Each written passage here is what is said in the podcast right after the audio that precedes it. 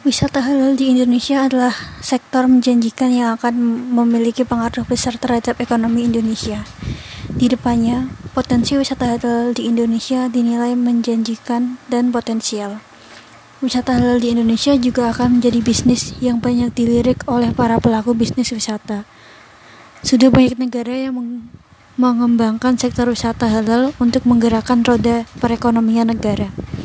Negara-negara tersebut di antaranya adalah Jepang, Korea Selatan, Turki, bahkan Malaysia. Indonesia yang memiliki potensi wisata jauh lebih besar dan beragam mestinya juga memanfaatkan perkembangan wisata halal dengan maksimal.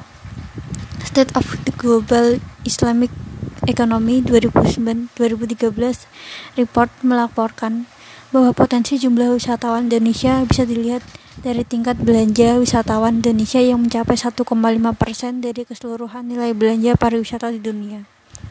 Presentase tersebut belum termasuk belanja untuk umroh dan haji. Pada tahun 2018, belanja wisatawan muslim di seluruh dunia untuk keperluan wisata menembus angka 181 miliar US dollar.